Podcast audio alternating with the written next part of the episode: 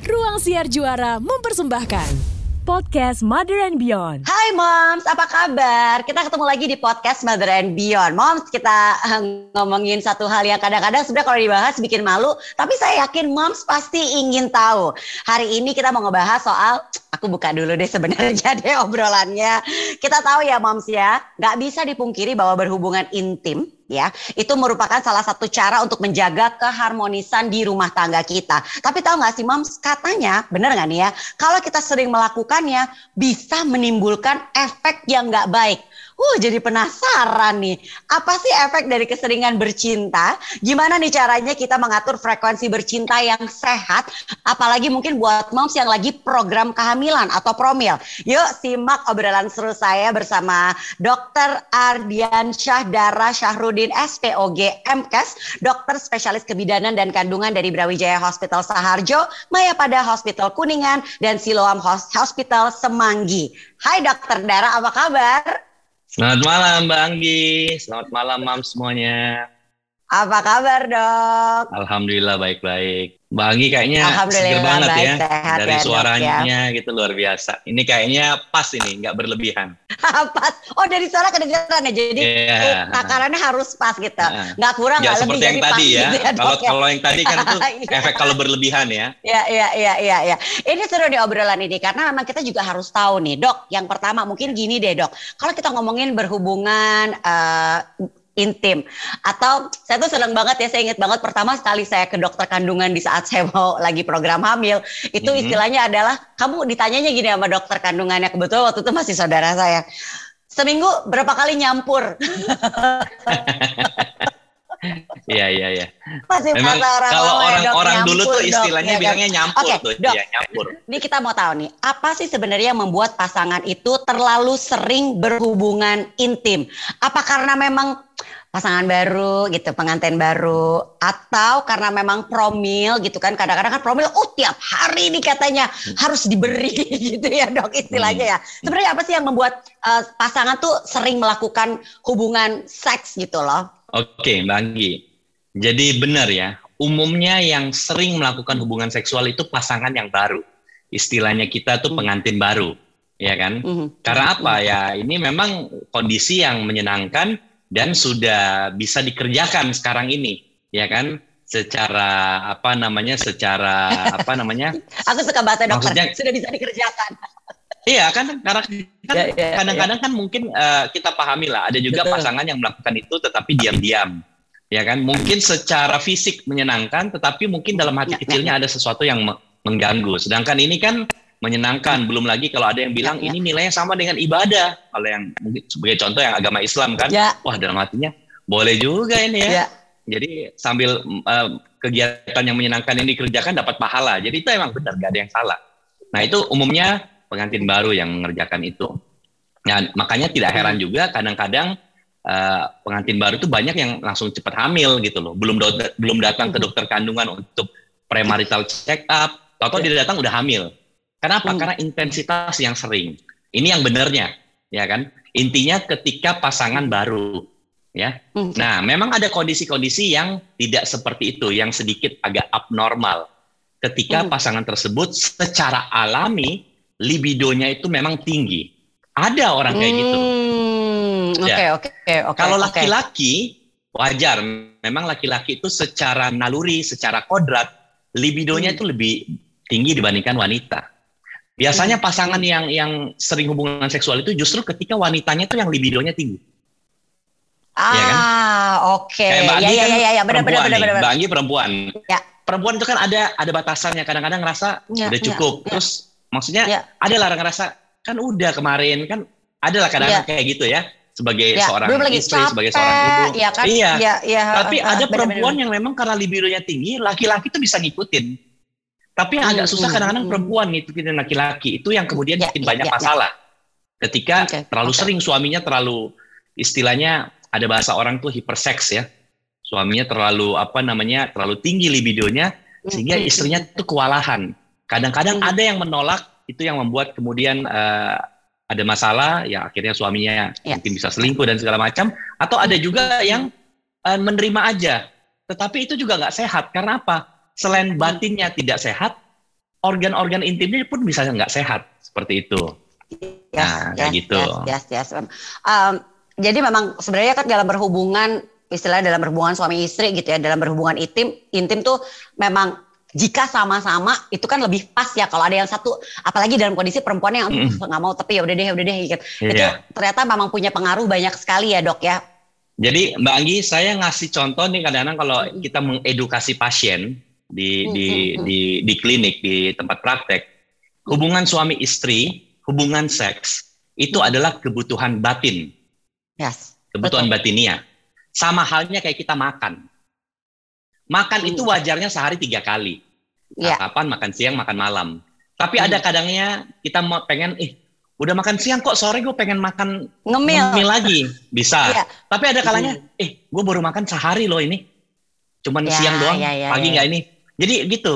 Dan ada kalanya kita ngajak pasangan kita, mah kita makan bakso yuk. Ah, aku nggak pengen makan bakso. Makan bakso, kita makan apa? Makan sate. Uh, okay, ah, boleh, okay. boleh makan sate. Jadi itu sama kayak gitu. Itu ada komunikasi di situ, ngomongin makanan sama ngomongin seks sebenarnya sama. Cuman okay. memang betul di awal tadi Mbak Anggi udah hmm. buka, ngomongin seks ini masih banyak banget yang merasa tabu termasuk orang-orang modern sekarang-sekarang ini.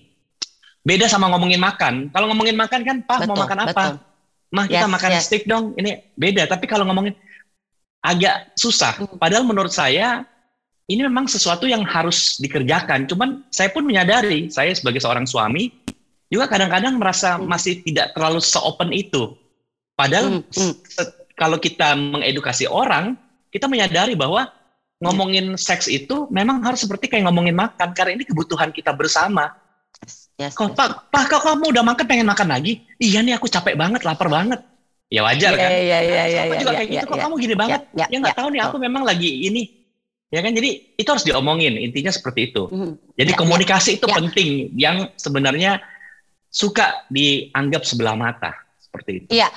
Masih ngerasa tabu dan malu membahas padahal sebenarnya penting sekali untuk kita tahu ya nggak sih? Apalagi mungkin walaupun kita nggak promil itu juga penting untuk diketahui karena balik lagi ini kan untuk keharmonisan dalam rumah tangga juga ya dok ya. Hmm. nah dok mungkin sebelum aku lanjut tentang pertanyaan berikutnya aku kita perlu, perlu tahu dulu nih sebenarnya idealnya kita nggak ngomong benernya ya dok ya hmm. idealnya Pak Sutri itu tuh kalau bercinta aja hmm. itu tuh frekuensinya seminggu tuh berapa kali sih dok idealnya apakah hmm. benar disesuaikan umur juga maksudnya Pak Sutri yang baru nikah ya itu tadi hmm. tuh uh pasti tiap hari atau sering banget tapi habis hmm. itu seiring bertambahnya umur mulai berkurang frekuensinya atau gimana dok hmm. tapi pengen tahu idealnya nih dok Betul. Jadi pertama gini, ini semua tergantung beberapa faktor ya. Faktor usia, ya kan? Ya. Faktor usia perkawinan. Hmm. Kemudian kondisi fisik dan mental setiap uh, pasangan suami istri itu. Kondisi fisik pasangan. dan mentalnya. Hmm. Ya itu berbeda-beda kan. Hmm. Kemudian uh, juga apa namanya faktor lingkungan ya, sekitarnya ya, lah. Ya kan? Kayak umumnya anak-anak, pressure hmm. di tempat kerja, uh, apa kemacetan lalu lintas yang kayak gitu itu berpengaruh. Tetapi kalau yes, kita yes. menyampingkan itu semua, di Amerika ada pernah jurnal yang meneliti seberapa sering sih orang-orang di usia-usia reproduktif bahkan hmm. sebenarnya bukan usia reproduktif ya, dia menarik sampai usia 50-an begitu ya, 50-an. Hmm. Itu seberapa sering melakukan hubungan seksual. Ternyata itu dalam penelitian itu kurang lebih dibilang 54 kali dalam satu tahun. Jadi kurang lebih satu minggu satu kali. Oke, oke. Okay. Satu okay, minggu satu okay. kali. Nah, ya, seperti ya, itu. Ya, ya. Walaupun idealnya ya, Dok ya. Idealnya ya. Bukan idealnya, rata-rata oh, ini dari penelitian. Oh, rata-rata. Oke, oke, oke. Nah, okay. kalau dibilang bicara ideal, itu rata-rata antara 1 sampai 4 kali per minggu. Hmm. Gitu loh, 1 sampai 4 kali. Okay. Jadi kalau umpamanya ada yang dikatakan lebih dari 4 kali, mungkin itu yang kita bisa kategorikan sudah agak berlebihan.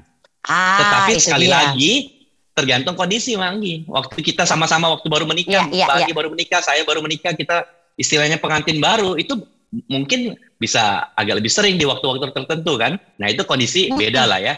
Jadi kondisi-kondisi uh, pasangan yang baru menikah itu kita kesampingkan yeah, yeah, dulu yeah, yeah. seperti itu. Oke okay, oke. Okay. Nah dok, sebenarnya kalau kita berhubungan seksual terlalu sering untuk Pak Sutri yang lagi promil itu emang bisa membuat jadinya emang program kehamilan berjalan lancar karena kan bukannya harus ada napasnya gitu karena kan uh, sperma itu kan harus kayak apa ya uh, istirahat dan dibagusin dulu gitu dok. Betul. Benar ya. sih dok? Betul. Itu itu itu bahasa awam yang sangat benar. Jadi sperma dibagusin atau istilah dalam medisnya mm -hmm. sperma berproduksi. Ya. Mm -hmm. Jadi hmm, hmm. laki-laki itu kan punya uh, testis ya, buah zakar. Mm -hmm. Itulah yang memproduksi yeah. sperma. Testis memproduksi sperma kurang lebih per tiga hari sekali, kurang lebih. Mm. Sekali produksi taruhlah umpamanya contoh aja ya satu juta sel, ya satu mm. juta sel sperma. Ya, ya, ya. Mm. Ketika dia ejakulasi nih atau istilahnya dia hubungan uh, seksual dan kemudian dia ejakulasi kan laki-laki tanda, tanda tanda dia punya orgasme kan ejakulasi kan? Ejakulasi artinya ya, mengeluarkan ya, si ya. sperma kan? Itu kan bisa ratusan ribu keluar. Mm. Taruhlah keluar tiga ratus ribu. Nanti ejakulasi kedua keluar lagi tiga ratus ribu. Ya, ya. Ejakulasi keluar lagi berapa ratus ribu. Nah, kalau dia terlalu sering dan pada saat yang akhir-akhir hubungan seksualnya berarti sperma-sperma sisa dalam tanda petik yang bertemu dengan sel telur, biasanya itu yang kadang-kadang bisa membuat kehamilan hmm. kurang oke. Okay.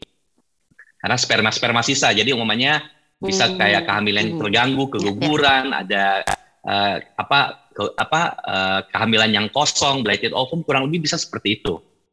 Nah, itu tidak bagus ya. Hmm. Makanya kalau hmm. kita mengedukasi pasien, okay, okay. biasanya kan kalau pasien infertil itu kita bisa kategorikan kurang lebih setelah satu tahun menikah belum punya anak. Kita ya, mengedukasi, ya, ya. lakukanlah hubungan suami istri dua sampai tiga hari sekali. Oke, okay, oke. Okay. Gitu. Ada jaraknya jadi ya, dan ada, ada nah, jedanya, nah, ada nafasnya betul. gitu ya dok ya. Dan itu ada alasannya. Ada itu ada hmm. alasan medis baik dari sisi pria maupun sisi wanita. Sisi pria itu ya. supaya sperma istilahnya yang keluar itu masih sperma yang bagus-bagus.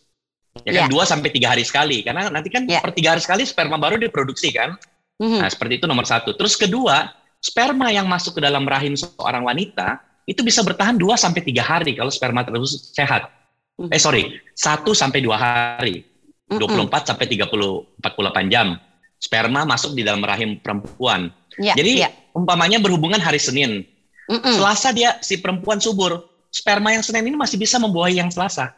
Hmm, gitu ya, Ya, Nanti ya, dia ya, ya. kalau umpamanya Selasa dia belum subur, Rabu boleh berhubungan lagi.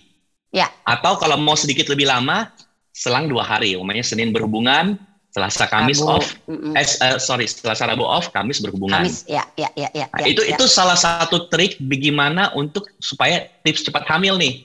Ya. Tidak ya, disarankan ya. tiap hari. Ya. Tetapi ya. berbeda ketika kita mengedukasi orang yang baru menikah. Orang baru menikah okay. nanya, dok saya supaya mau cepat hamil gimana? Kayaknya kalau saya pribadi, saya agak kurang nyaman melarang kayak gitu-gitu. Namanya orang menikah kita paham, yeah. kita dulu pernah menikah. Wah kata dokter, kan Senin udah, Selasa jangan dulu dong. Wah nanti ah, malah iya. ribut. Iya, iya kan? Iya, iya, Bukan iya, punya iya. anak, bisa-bisa nanti ribut suami iya, istri. Iya. Kalau mau menikah bebasin aja. Baru nikah Sesukanya apa dia. Dulu ya, dok. Nah, yang penting ada berhubungan yeah. seks paling tidak dua kali seminggu. Oke. Okay. Kalau mau punya anak. Okay. Jadi ya, jangan ya, juga ya. dibebasin, tetapi baru menikah kan ada juga pengantin tuh baru menikah yang agak jarang-jarang hubungan seksual. Iya, iya, iya. Ya kan betul, ada juga betul. kayak gitu. Jadi ya, jangan kita ya. berpikir tuh orang selalu menikah tuh kayaknya wah menggelora gitu kan. Ada juga yang belum yang istilahnya tentu. diesel ya. Yang iya, diesel ya, tuh ya, panasnya ya, belakangan. Ya. Jadi awalnya belum ya, panas ya. gitu loh. Ya, tapi mau ya, punya ya. anak. Kita bilang terserah, tapi paling tidak seminggu ada dua kali berhubungan dan dijarakin. Okay. Jadi okay. jangan berhubungan umumnya Sabtu Minggu. Karena kan weekend ya. Jadi jarakin 2 sampai tiga hari lah. Senin, ya, ya. umpamanya berikutnya Kamis. Itu kaitannya berhubungan seksual ketika ingin hmm. merencanakan kehamilan gitu loh. Oke. Okay. Dok, konsekuensi nih Dok dari keseringan berhubungan intim. Untuk mungkin kalau pasangan yang lagi promil ketahuan ya Dok, keseringan juga akhirnya malah bisa bikin promilnya terhambat ya kan karena tadi dokter bilang yeah. ya di, yeah. di, di, di istilah tuh uh, dihajar di Selasa ah. baru dihajar gitu kan istilah dok. Mm. Tadi kan kondisi spermanya belum belum belum baik nih gitu kan ya. Spermanya iya, spermanya bisa yeah. udah udah mau habis gitu loh. Iya. Uh. Nah, kalau kalau yang nggak dalam promil, nah kita bisa tahu kita bawa ini udah keseringan dan konsekuensinya jadinya apa nih, Dok? Uh, yang pasti gini, kalau keseringannya dan keseringannya itu diketahui karena ada salah satu pasangan yang komplit. Kita udah tahu kan. Hmm, Umpamanya ya, paling ya, sering laki-laki lah. Ya, ya, laki-laki ya, ya. ini kan uh, keinginannya lebih tinggi lah istilahnya hmm. ya. Ya, betul. Perempuannya kan yang ngomong loh kok gitu kan kemarin udah kan gini. Ah berarti kita udah tahu nih. Hmm. Ini kayaknya saya agak berlebihan nih. Tetapi harus disadari juga kan ada perempuan juga yang agak-agak gimana ya, agak-agak dingin gitu ya. Ya, kondisinya ya, berbeda. Ya, ya. Nah, tetapi uh, yang sulit ini memang Mbak Anggi ketika si wanita itu tadi yang saya sebutkan di awal-awal mempunyai secara alami libidonya yes, dia yes, cukup yes. tinggi. Mm-hmm. Jadi suaminya tuh ngikutin, mm-hmm. ya kan? Mm-hmm. Nah, nanti kadang-kadang tuh tanda-tandanya ketika si suami ini sudah menggunakan obat-obat alat bantu. Ah, nah, oke. Okay. itu berarti mungkin okay, okay, itu itu bisa jadi indikasi. Oh, ini kayaknya istri saya agak berlebihan nih. Oke. Okay. Ya kan? Kan kadang-kadang laki-laki itu mau ngomong gengsi. Iya. Iya kan? Iya. Dia mau oh, ngomong, pride. Nanti iya, kan, nanti pride iya, iya. suaminya, istrinya baru baru mau masuk ronde kedua contohnya lah. Kalau mm, dia udah TKO, mm, oh, dia mm, takut kan? Ah daripada mm, nanti besok-besok saya ini saya sudah minum obat. Nah, mm, mungkin mm. satu dua kali oke. Okay bagi hmm. saya ya. Selama si laki-laki itu sehat, dia mau coba pakai alat bantu obat kuat, yang penting dosisnya sesuai lah ya, tidak berlebihan, oke okay lah. Tapi kalau udah tiap kali dia kayak gitu, wah ini udah tandanya berlebihan nih. Hmm, gitu loh. Sebenarnya nah, berlebihan aja ya. Uh, nah, dan berlebihan satunya. itu Mbak Anggi, kadang-kadang hmm. bukan kita hitungan per minggu, ada yang per hari kan. Ya, ya, ya, ya. Namanya betul, pagi betul. hubungan, siang hubungan, malam hubungan, mm -mm. ya kan? Nah itu juga kadang-kadang harus dilihat tuh. Kalau untuk orang yang ya usia pernikahan lah ya, itu memang agak agak agak uh, luar biasa sebenarnya. Ya. sekali lagi kita tidak ngomong orang pengantin baru. Kalau ya, pengantin ya. baru ya itu kondisi yang eh, spesial lah ya. Tapi ya. kalau orang yang menikah pada umumnya kan saya rasa moms yang nonton di sini atau dads yang nonton di sini kan mungkin ya yang sudah berkeluarga lah ya paling enggak hmm. beberapa bulan atau beberapa tahun berkeluarga. Itu kalau sudah sehari pagi siang malam wah itu sudah sudah sudah hmm. memang ada yang harus dicermati. Ini hmm. jangan-jangan ada yang berlebihan nih libidonya. Ya. Seperti itu. Dari Cuman memang mental, saya akuin itu jarang. Hmm. Oke, okay. tapi itu dok jarang. dari segi mental ada nggak sih dok dari konsekuensi atau efek dari terlalu sering berhubungan dok? Jadi keseringan berhubungan ini akan memberikan efek ke masalah fisik dan masalah mental. Nah, apa nah, nih dok? nah, pertama fisik nih. dulu lah. Pertama ya, ya, masalah ya. fisik yang sangat bisa wajar terjadi adalah ada lecet atau memar. Ah. Lecet kedua atau belah memar. pihak ya, Dok ya? Kedua belah pihak. Yes, kedua yes, belah yes, pihak. Yes. Mm. Lecet akibat apa? Jadi mohon maaf, ini vagina, mm. vagina, mm. ini kan bagian luarnya kulit. Iya. Yeah. Kemaluan pria kan bagian sininya kulit. Iya. Yeah. Kalau keseringan bergesek sama kayak kulit yeah, kita yeah, gesek lama lama-lama yeah, begini, yeah. itu bisa lecet. Iya. Yeah. Bisa juga memar akhirnya apa di di vagina perempuan ya. itu di arah jam 5 dan jam 7 jadi vagina tuh hmm. kayak gimana sih ah ini ya. contohnya ya. nih bagus nih tutup ini nih umumnya kayak kayak gini lah ya vagina ya, ini ya, tutup ya, ya, airpods nih ini arah jam 12 ini arah jam 6 anggaplah ya. seperti itu ya dia biasanya di jam 5 atau di jam 7 itu ada kelenjar yang namanya kelenjar Bartolini okay. kelenjar yang membasahi vagina ketika ya. perempuan mau hubungan seksual Kelenjar tuh kecil kayak kelenjar keringat, kayak kelenjar gitu ya. Kalau tergesek-gesek di lubang itu terus, itu dia bisa bengkak. Uh-huh. Akibatnya apa? Kelenjar itu bengkak, namanya kista Bartolini. Jadi kayak ada benjolan kista di bibir vagina dan itu sakitnya minta ampun. Gitu okay. loh. Itu, itu harus dilakukan pembedahan. Nah, baru aku mau nanya, harus ada uh, penanganan khusus tuh dok, nggak bisa sembuh Pasti. sendiri gitu dok? Oke. Okay. Nah, biasanya okay. kalau dia masih ringan, kadang-kadang bisa dikasih antibiotik. Karena kalau kalau kelenjar itu bengkak, lubangnya kan mengecil. Jadi akhirnya ya, bisa ya. kayak mampet. Mampet ya, ngerti hmm. ya? Kayak hmm. tersumbat. Kalau di muka tuh jerawat, dok. Ya sebenarnya jadi tersumbat kan, dok? Iya, kayak jerawat. Ya, Makanya ya, kalau ya, di, ya, di muka ya. itu kan kita kayak apa? Apa sih kalau jerawat dipecat-pecat tuh? Dipecat-pecat, iya. Ya. Iya, iya, ya. Atau dipecat-pecat ya, sendiri, dok, gitu kan? Nah, dikeluarin ya. gitu kan? Hmm. Kalau di situ nggak bisa. Jadi itu harus ada ya. kayak pembedahan. Iya kan? Itu okay. kista Bartolini itu sering terjadi. Itu okay. secara fisik ya. Itu untuk perempuan nomor, dok? Uh, itu untuk perempuan. Iya. Kalau laki-laki biasanya lecet, lecet di dinding vaginanya. Uh, apa ya, sorry, di, dinding lecet di dinding uh, pen, batang penisnya seperti itu, ya, ya kan? Okay, okay, dan dan okay. bisa aja kadang-kadang kalau terlalu ini dia bisa memar. Sampai memar, memar juga Penisnya dong. memar. Okay, okay. Pemarnya penis. Bahkan okay. dalam penelitian ada yang bisa dikatakan penis patah. Patah itu bukan kayak tulang ya, tetapi ah, iya, kayak iya, iya. trauma. Iya. Gitu, Jadi bukan patah tulang ya, gitu ya, ya enggak, tapi, tapi dia kayak ya penis patah gimana sih kayak bengkak begitu jadinya. Ah, oke, Nah, oke, oke. Ya, it- itu Oke. dalam dalam eh, apa eh, apa laporan-laporan ilmiah ya. Nah, Ya, terus pada wanita lagi. Jadi keseringan hmm. berhubungan ini sebenarnya memang saya saya akan jelaskan, mau saya tekankan, memang akan lebih sering terjadi pada wanita sebenarnya, bukan pada pria. Efek dari keseringan Jadi bercinta wanita- itu lebih banyak perempuan Iya, ya. lebih, lebih Ah, banyak pada perempuan. Jadi hmm, eh, kalau laki-laki itu tadi ya, lecetnya atau udemnya bisa hmm, hmm, pada hmm. penis. Kalau perempuan itu bisa tersumbat kelenjar Bartolininya, jadi bengkak Ya. bibir vaginnya harus dioperasi.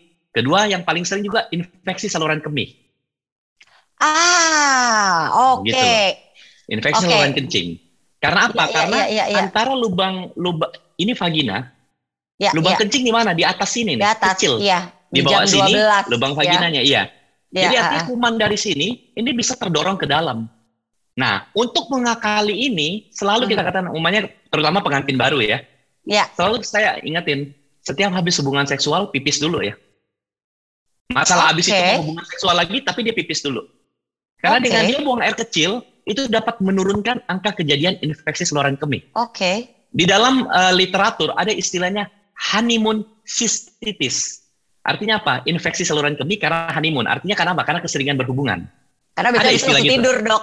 Ya? Nah, honeymoon cystitis ya, apalagi Iya, kalau iya, orang iya. udah keseringan dan Iya, iya. udah kecapean, dia lupa buang Uh. dia ketiduran. Nah, itu cikal bakal bisa oke. infeksi saluran kemih.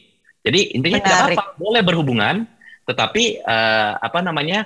eh, hindari eh, apa namanya? buang air kecil yang ditunda-tunda. Oke, oke. Itu satu tips tuh. Nah, Udah itu tahu iya. aku juga tuh, Dok. Oke, Kemudian oke, oke. yang berikutnya yang bisa terjadi pada kedua belah pihak ya jelas sakit pinggang. Ya kan? Hmm, hmm. Ada Iya, sakit iya, iya. pinggang. Jadi sakit Ya. pinggang ya namanya posisinya itu ya. Itu Hmm. bisa membuat eh, dia lebih yang nggak enak lah daerah Ya, ya, pinggul ya, atau ya, pinggangnya. Nah, kalau pada pria kalau keseringan berhubungan, dia bisa kesulitan mencapai orgasme, Ah, oke, benar benar. ya kan? Kan orgasmenya pria sekali lagi ejakulasi kan. Hmm, Ketika hmm. dia keseringan berhubungan, dia ereksi tapi susah untuk orgasme. Eh, susah untuk ejakulasi. Ah, Oke, ereksinya mungkin- dapat tapi nggak bisa ejakulasi jadinya. Dok. Ah, Oke, mungkin oke, Mbak Enggi oke. kan cewek nih. Jadi Iya, iya, iya, iya. beda kan pada pria yang tahu itu. Kalau dia udah keseringan, kadang-kadang nggak istilahnya kalau orang awam bilang kok nggak keluar-keluar ya. Iya, iya, iya, iya. dan iya. itu dan itu tidak menyenangkan kondisi itu. Mhm, Karena orgasmenya pria adalah ejakulasi. mhm, mhm, Jadi ketika dia gagal ejakulasi, dia nggak mencapai orgasme. mhm, mhm, Ya kan dia bingung bagaimana ya untuk istilahnya mohon maaf mengeluarkan sperma dia. Mhm. Itu kondisi yang tidak menyenangkan, bukan itu yang dicari pria pada saat ingin berhubungan seksual. Ya, ya, ya, Ya kan Dan jadi jangan dianggap nah, Iya. di- jangan dianggap itu menyenangkan ya. Itu nggak Ya, menyenangkan. Gitu loh. ya, ya. Dan biasanya Kemu- di saat ereksi terus uh, berhubungan dan tidak ejakulasi, sebenarnya kan dari dua kedua belah pihak juga jadinya nggak enak kan, dok? Kalau Dari perempuan beda Mbak Anggi. Hmm, Kalau hmm. umpamanya si laki-laki ini eh, dia bisa ereksi, bisa melakukan penetrasi, jadi Hmm. bisa penis masuk ke dalam liang vagina, bisa aja kan si istrinya eh, terpuaskan, tapi suaminya tetapi enggak. dianya nggak keluar. Iya, iya, iya. Cuman kan bagi seorang wanita, ketika dia melihat suaminya ejakulasi, dia pun ada perasaan Yes. gimana ya? Dari ya, ya, Iya, ya, dia ya. pasti ada senang juga perasaan gitu. Iya, senang puas juga gitu loh. Iya, iya. itu betul. itulah itulah uh, esensi daripada hubungan seksual karena ada connecting antara dua insan dua suap pasangan suami Hmm. Ya, istri ya. kan jadi kalau dia ngelihat suaminya kurang dia kan juga kayak Iya, iya. kayak kasihan Iya, gitu dia sampai bingung ini mau diapain ya Iya, iya. mau diapain dia suaminya bingung jadi itu kalau efek-efek kelebihan Oke. nah Dok, itu yang Tapi- sering Mbak Anggi ya yang sering terjadi. Ya. ada kondisi yang agak jarang Ah, apa tuh, Dok? yang yang mungkin belum banyak orang tahu contohnya ini bisa saja membuat gangguan penglihatan banyak orang yang belum tahu tuh Oh, gitu, Iya kan jadi terutama Jadi bisa menyebabkan maaf, gangguan penglihatan. Iya, kalau umpamanya dia terlalu gimana pecah pembuluh darah mata, Terutama ah. pada pria, terutama pada pria Iya, ini. iya, iya, iya, iya, iya. Ya iya. kan? Oke, oke. Ditambah lagi kalau mohon maaf pakai pakai obat kuat. Ya. Jadi selain mata obat-obat kuat itu bisa bikin tekanan terlalu tinggi intra eh, kranial di kepala bisa pecah pembuluh darah di mata, mhm, mhm. jadi bisa sedikit mengganggu penglihatannya. Bahkan kadang-kadang ya kalau heart attack kita udah tahu lah ya serangan jantung gara-gara pakai obat-obatan Ya, ya, ya, ya. itu. Nah, Oke. sama satu hal lagi yang banyak orang nggak tahu bisa membuat kerontokan rambut. Serius, Tahu Dok? Iya. Karena ada hormon namanya eh, Itu untuk pria apa perempuan apa laki-laki, Dok? pada pria dan wanita. Jadi Kerontokan ada hormon itu? namanya ya hormon Oke, dehidrotestosteron memang Hmm. ini lebih banyak di pria. Di wanita ada Ah, tapi oke. lebih dikit. Jadi makanya istilahnya rontok itu lebih banyak di pria. Tapi di Hmm. wanita bisa aja, cuman memang karena hormon itu di perempuan levelnya rendah, tidak sebanyak pria. Jadi di pria bisa lebih terjadi kerontokan atau kebotakan. Kenapa? Karena hormon tersebut dapat membuat apa namanya folikel rambut itu eh, tidak bagus. Hmm, oke. Kalau itu, itu ya kalau yang Oke, sudah berlebihan. Sama yang terakhir yang jelas eh, kalau berlebihan kan katanya Ya. seks itu bisa meningkatkan imun, betul. Ya, Tapi ya, ya. kalau kelebihan menurunkan imun. Ah, kita kan Seperti cari itu. juga yang bisa meningkatkan imun, jangan sampai jadi nurunin imun kita. Apalagi masa kelebihan- pandemi ini, dok. Betul, karena kalau Butuh imun berlebihan, bagus. Iya, iya, iya. ya kalau berlebihan yang meningkat tuh ada namanya hormon prostaglandin. Hmm. Prostaglandin kalau berlebihan ini bisa membuat lemes, nyeri Iya. otot, Ya. kayak kayak gitu Iya. ya. Jadi apa namanya kita punya uh, kekebalan tubuh menurun. Nah itu Mhm. tidak bagus juga. Gitu. Oke, Ini oke. yang banyak mungkin uh, belum banyak orang tahu ya. Jadi yang umum-umumnya kan kalau lecet, Ya, infeksi ya, saluran ya, ya. kemih, orang udah tahu lah itu ya. Hmm, hmm. Seperti itu.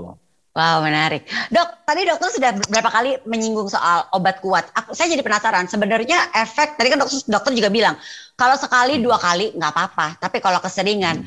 Jadi pengen tahu dok, efek dari eh, laki-laki keseringan menggunakan, eh, mengkonsumsi obat kuat, apalagi mungkin ini sudah dijadikan, ya setiap mau berhubungan, mesti minum obat Hmm. kuat. Ada efeknya nggak sih dok? Uh, kalau berlebihan jelas ada efek di fisiknya. Kalau Hmm, berlebihan ya, oke, seperti oke, tadi oke. kita bilang takutnya Ya, ya, sampai serangan jantung dan Bisa segala macam. ya, ya, ya. Tetapi yang sering-sering terjadi adalah Ya. masalah psikis, masalah mental. Ah, Dia jadi nggak pede oke. gitu loh. Kayak kita keluar Oke. rumah nggak pakai masker, nggak pede sekarang ini. kan. Betul, betul, betul. Nah ini setiap mau berhubungan suami istri nggak pakai obat, dia jadi nggak pede. Takut kenapa? Oh, Oke. takut nanti tiba-tiba saya loyo duluan. Iya, iya, Gitu iya. Lebih ke psikis jadi sebenarnya ya dok ya ternyata. Oh ya. jelas dong. Jadi dia kayak Ya, ya, kayak ya. kayak nggak pede. Jadi dikit-dikit dia harus harus harus pakai walaupun sedikit gitu loh. Jadi itu kayak ya itu. Jadi itu yang rusak kan mentalnya kan. Betul, betul, Nah seperti itu. betul. Nah dok, kalau untuk berhubungan suami istri nih, kita nggak ngomongin promil aja ya dok. Eh, apakah Hmm. perlu kita jadi menciptakan atau membuat jadwal nih dok? Saya setuju. Jadi ini eh, bagi saya ini kita berbicara sekali lagi buat orang yang sudah berumah tangga ya, Hmm. berkeluarga lah ya, maksudnya suami ya, istri ya, yang ya, ya. bukan baru istilahnya bukan pengantin baru lah ya. Ya. Jadi membuat jadwal itu sesuatu yang sebenarnya harus dikerjakan. Kenapa? Hmm. Kenapa? Karena seks ini dianggap hal-hal yang alami, bisa terjadi begitu aja. Tetapi kenyataannya tidak begitu, Hmm. tidak Hmm. begitu. Orang Ya. yang menikah sudah mungkin lebih setahun dua tahun dengan segala macam uh, roller coaster dalam rumah Hmm. tangga, masalah anak, masalah pekerjaan dan segala macam, itu dapat menurunkan libido. Ya kan? Ya pasti. Ya. Kenapa sih orang mohon maaf ya, orang selingkuh? Hmm. Karena kan di situ ada komunikasi, ada ngobrol, akhirnya ada connecting. Connect, connect kemudian connect secara fisik. Nah, dalam dalam hal rumah tangga memang itu harus diomongin. Harus dijadwalin lah minimal. Jadi umumnya jadwal itu tidak harus selalu berhubungan ya, tetapi ada istilahnya kita pergi berdua, kita pergi apa? Apakah nanti endingnya ada hubungan suami istri? Suami istri. Hmm. itu itu bonusnya tapi dia harus menjaga Hmm, itu makanya menjaga oke, mood oke. seksi itu penting Iya, iya, iya. tapi kan susah kita kadang-kadang Ya, kan kayak kita setuju. pulang kerja nih udah pulang praktek dokter aja lah ya dokter Ya. ini kan kesannya banyak tahu tapi dalam praktek tidak selamanya seperti itu pulang udah capek nih Iya, Iya kan? iya. Kebayang. istri lagi sekolah bikin tugas anak-anak gini-gini sampai malam habis sholat isya udah tidur Iya, iya, Nah, iya. jadi Di ini jalan PR bersama. lah, ya kan? Iya, ini PR kita Eh, bersama. Ini bukan Iya, cuman iya, iya, iya. saya menceritakan begini seakan-akan saya udah seperti itu semua. Tidak. Karena itu kita menyadari ini sesuatu yang yang Iya, harus iya. dikerjakan. Jadi sebenarnya ini kan kayak orang bicarain agama ya. Kita udah tahu. Hmm. Cuman kalau nggak diulang-ulang, nanti Iya, lupa iya. juga gitu loh. Jadi Iya, saya setuju. Itu harus di, di- dibuatkan jadwal gitu loh. Ya, intimate moment sebenarnya ya dok ya. Kadang di rumah Ya. misalnya anak-anak dititipin dulu, dinner di rumah aja, anak-anak dititipin di rumah eh, Ya. eyangnya, di rumah kakek neneknya, mungkin di Iya, rumah dulu betul. deh, atau mungkin sebelum tidur kayak menjadwalkan kita bikin ini yuk, misalnya setiap hari malam malam Sabtu kita bikin nonton berdua gitu kan dok ya. Ya. Setelah itu ada Iya, kelanjutannya. apa pun. ya. Betul. Ya, ya, ya, ya, apa pun, apa pun. Tetapi memang itu suasananya harus eh, Dibangun mood, ya, mood diciptakan. apa itu istilahnya mood seksi atau mood yang romantis Hmm, harus hmm, dibangkitkan. Mm-mm. Karena kalau enggak, memang namanya suami istri, kadang-kadang rasa sayang itu muncul di akhir dengan tidur. Iya kan? Iya kan? Iya, iya, iya, iya. Jadi iya. mood mood uh, seksi itu harus dimunculkan dengan mungkin suami bilang kok kamu ini ya rangsingan ya sekarang. Nah, mulai kayak gitu-gitu ya kan. Dan dan sedikit istrinya dibilang, kok kamu cantik kan Iya. hari ini cantik banget Iya. gitu kan ya. Iya, iya, iya. iya. "Pak, eh, kok papa ini ya kumisnya dipotong jadi lebih lebih gimana gitu ya. Iya, iya, ya iya, kayak iya, gitu-gitu iya. harus ada dulu untuk benar, pembuka. Karena nggak bisa kita cuman berdua-berdua nonton TV, nonton Netflix, ujung-ujungnya tidur tuh. Pasti. Kalau udah kelamaan Jadi harus memang gitu. itu harus dibangun. Jadi selain dijadwalkan, memang Benar, benar. hal-hal itu harus dibangun sedikit dari awal. Itu untuk menjaga supaya jangan malah kebablasan. Karena sejujurnya yang kalau kita saya melihat di praktek, bukan keseringan yang sering. Yang sering itu kurang. terlalu jarang, Mhm, mhm. terlalu jarang Ya, hubungan ya, seksual, setuju. gitu loh. Mhm. Ya, jadi sepertinya pas sekali kalau kita tutup obrolan kita dengan pertanyaan saya yang terakhir ini, tips sukses berhubungan intim supaya rumah tangga tetap harmonis gitu kan, tetap eh, sparksnya tetap terjaga. Ini apa dok? Tadi sudah sudah sedikit disinggung ya, menciptakan suasana-suasana kayak ya sekali-sekali lah janjian makan gitu ya, drive thru berduaan, itu juga lucu gitu kalau yang masih belum berani Ya. keluar rumah gitu kan ya dok ya. Hmm, Ada suasana yang beda dan juga menciptakan mood seksi tadi kata dokter. Ya, Tapi apalagi nih, Jadi- supaya ini kan kira salah satu kunci keharmonisan rumah tangga ya dok ya. ya. Jadi eh, sama terakhir kali lagi yang tidak bisa dipungkiri, kita harus menjaga stamina kesehatan fisik kita bersama. Setuju, setuju. Itu harus Ngaruh bersama. banget. Jadi Hmm. kita mau bangun mood seksi, mau rencanain, tapi kalau fisik kita loyo, Hmm. contohnya si laki-laki loyo, gimana? Ya kan? Hmm. Kalau mamanya masih jangan ini kita nggak bicara orang tua ya. Orang Ya, muda ya, ya, umur ya. 30 40 lah ya, itu istilahnya kan umur-umur di tengah-tengah gitu. Itu kalau stamina-nya nggak bagus, ya dia susah juga ada bangkitan seksual. Ya. Ya kan? Mhm, mhm. Nah, sedangkan si istri kadang-kadang mungkin pengen ngomong tapi malu. Makanya berdua itu harus bugar. Jadi jangan Iya. lupa memang masalah apa namanya lifestyle ya. Bagaimana pola tidur, pola makan dan aktivitas fisik itu harus seimbang. Karena itu membantu dalam aktivitas seksual kita. Ya, Seperti ya. Jadi tiga lah mungkin kalau bisa dikatakan kasih tips tadi.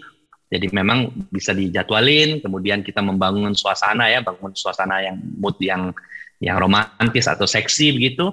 Dan terakhir kali nggak bisa lupa untuk melakukan hubungan hubungan seks kita perlu fisik gitu loh. Ya, Kalau ya, fisiknya ya, tidak sanggup, tidak kuat, tidak bugar, ya tentunya itu cuma omong kosong seperti Ya. itu. Dan jangan malu biasanya perempuan sih ya dok. Biasanya kalau istri tuh dok suka malu mengkomunikasikan. Ya kan, istri kan juga punya Ya. keinginan. Tapi kan biasanya sering juga nunggu suaminya deh. Kalau suaminya nggak ngajak ya udah aku juga enggak. Ya. Padahal nggak apa-apa juga kita sebagai istri eh, minta lah istilahnya kalau ada Karena- keinginan. Ya, Betul, ya. karena prinsipnya seperti kita mau makan. Iya, pokoknya Saya prinsipnya seperti mau makan. sama- Paling kan bagi sama suami. Emang selalu suami yang ngomong, "Mah, makan apa?" Kan ada kalinya istri yang ngomong, Iya. "Pak, kita ini yuk jajan Iya. bakso yuk." Yes, yes, yes. Jadi anggap seperti itu sama, cuman ya, berbeda aktivitas, tapi sama-sama kebutuhan batin itu kan. Kebutuhan Iya. badan gitu loh. Iya. Seperti itu. Dan kalau buat perempuan agak lebih gampang sebenarnya untuk ngajakin. Nggak kalau malu ngomong pakai baju seksi di rumah, baju tidur yang Nah, agak seksi tuh Iya. pasti Iya. si ayah si, betul. so, si tuh ter- bisa terpancing Iya, ya kan. betul. Iya, kalau iya, dia nggak terpancing, ah ada something itu yang harus Nah. ditelusuri lebih jauh. Betul Gitu. tuh. Ya karena biasanya Iya. kalau that's tuh susah nolak kalau lihat Iya, eh, momsnya tuh udah menggoda gitu kan. ya, manis-manis ya. dikit, ya ini dikit, rapi-rapi dikit, ya kan dia sudah yes, sudah yes. sudah sudah paham. Ya, berarti memang moms harus punya kuncian baju tidur yang seksi. Ya kan? Itu buat mancing loh bisa loh moms ya kan. Dokter Dara terima kasih banyak obrolan kita seru banget nih ya ngobrolin sesuatu yang Sama, ini Mbak pasti uh, menambah ilmu karena tadi banyak hal yang kita nggak tahu yang tadi sudah disampaikan sama Dokter Dara akibat keseringan bercinta. Terima kasih Dokter Dara, Dokter Ardiansyah Dara Syahrudin SPOG MKes, dokter spesialis kebidanan dan kandungan dari Brawijaya Hospital Saharjo, Maya pada Hospital Kuningan dan juga Siloam Hospital Semanggi. Follow juga uh, Instagramnya Dokter Dara. Nanti bisa di DM untuk nanya lebih lanjut. Mungkin nggak bisa nanya sekarang, malu DM aja, ya kan? Thank you Dokter Dara, sehat Oke, okay, ya. sama-sama Bang Terima kasih juga untuk moms yang sudah mendengarkan. Thank you for listening to podcast Mother and Beyond. Untuk info menarik lainnya, klik motherandbeyond.id serta follow Instagram, Twitter, dan TikTok at motherandbeyond.id, Facebook, dan subscribe YouTube channel Mother and Beyond. Mother and Beyond, your guide to motherhood and beyond.